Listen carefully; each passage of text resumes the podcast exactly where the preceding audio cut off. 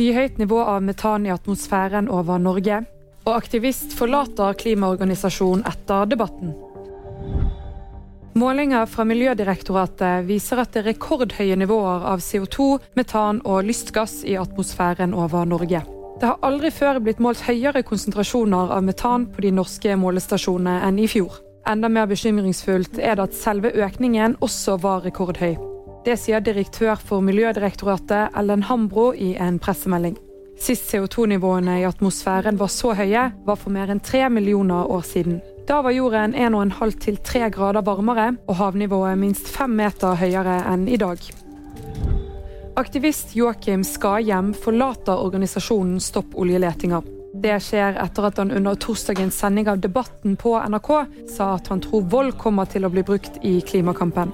Jeg er enig i avgjørelsen om at jeg går ut av organisasjonen, fordi vi har ulike ideer om metoder. Det sier Skahjem til TV 2 fredag.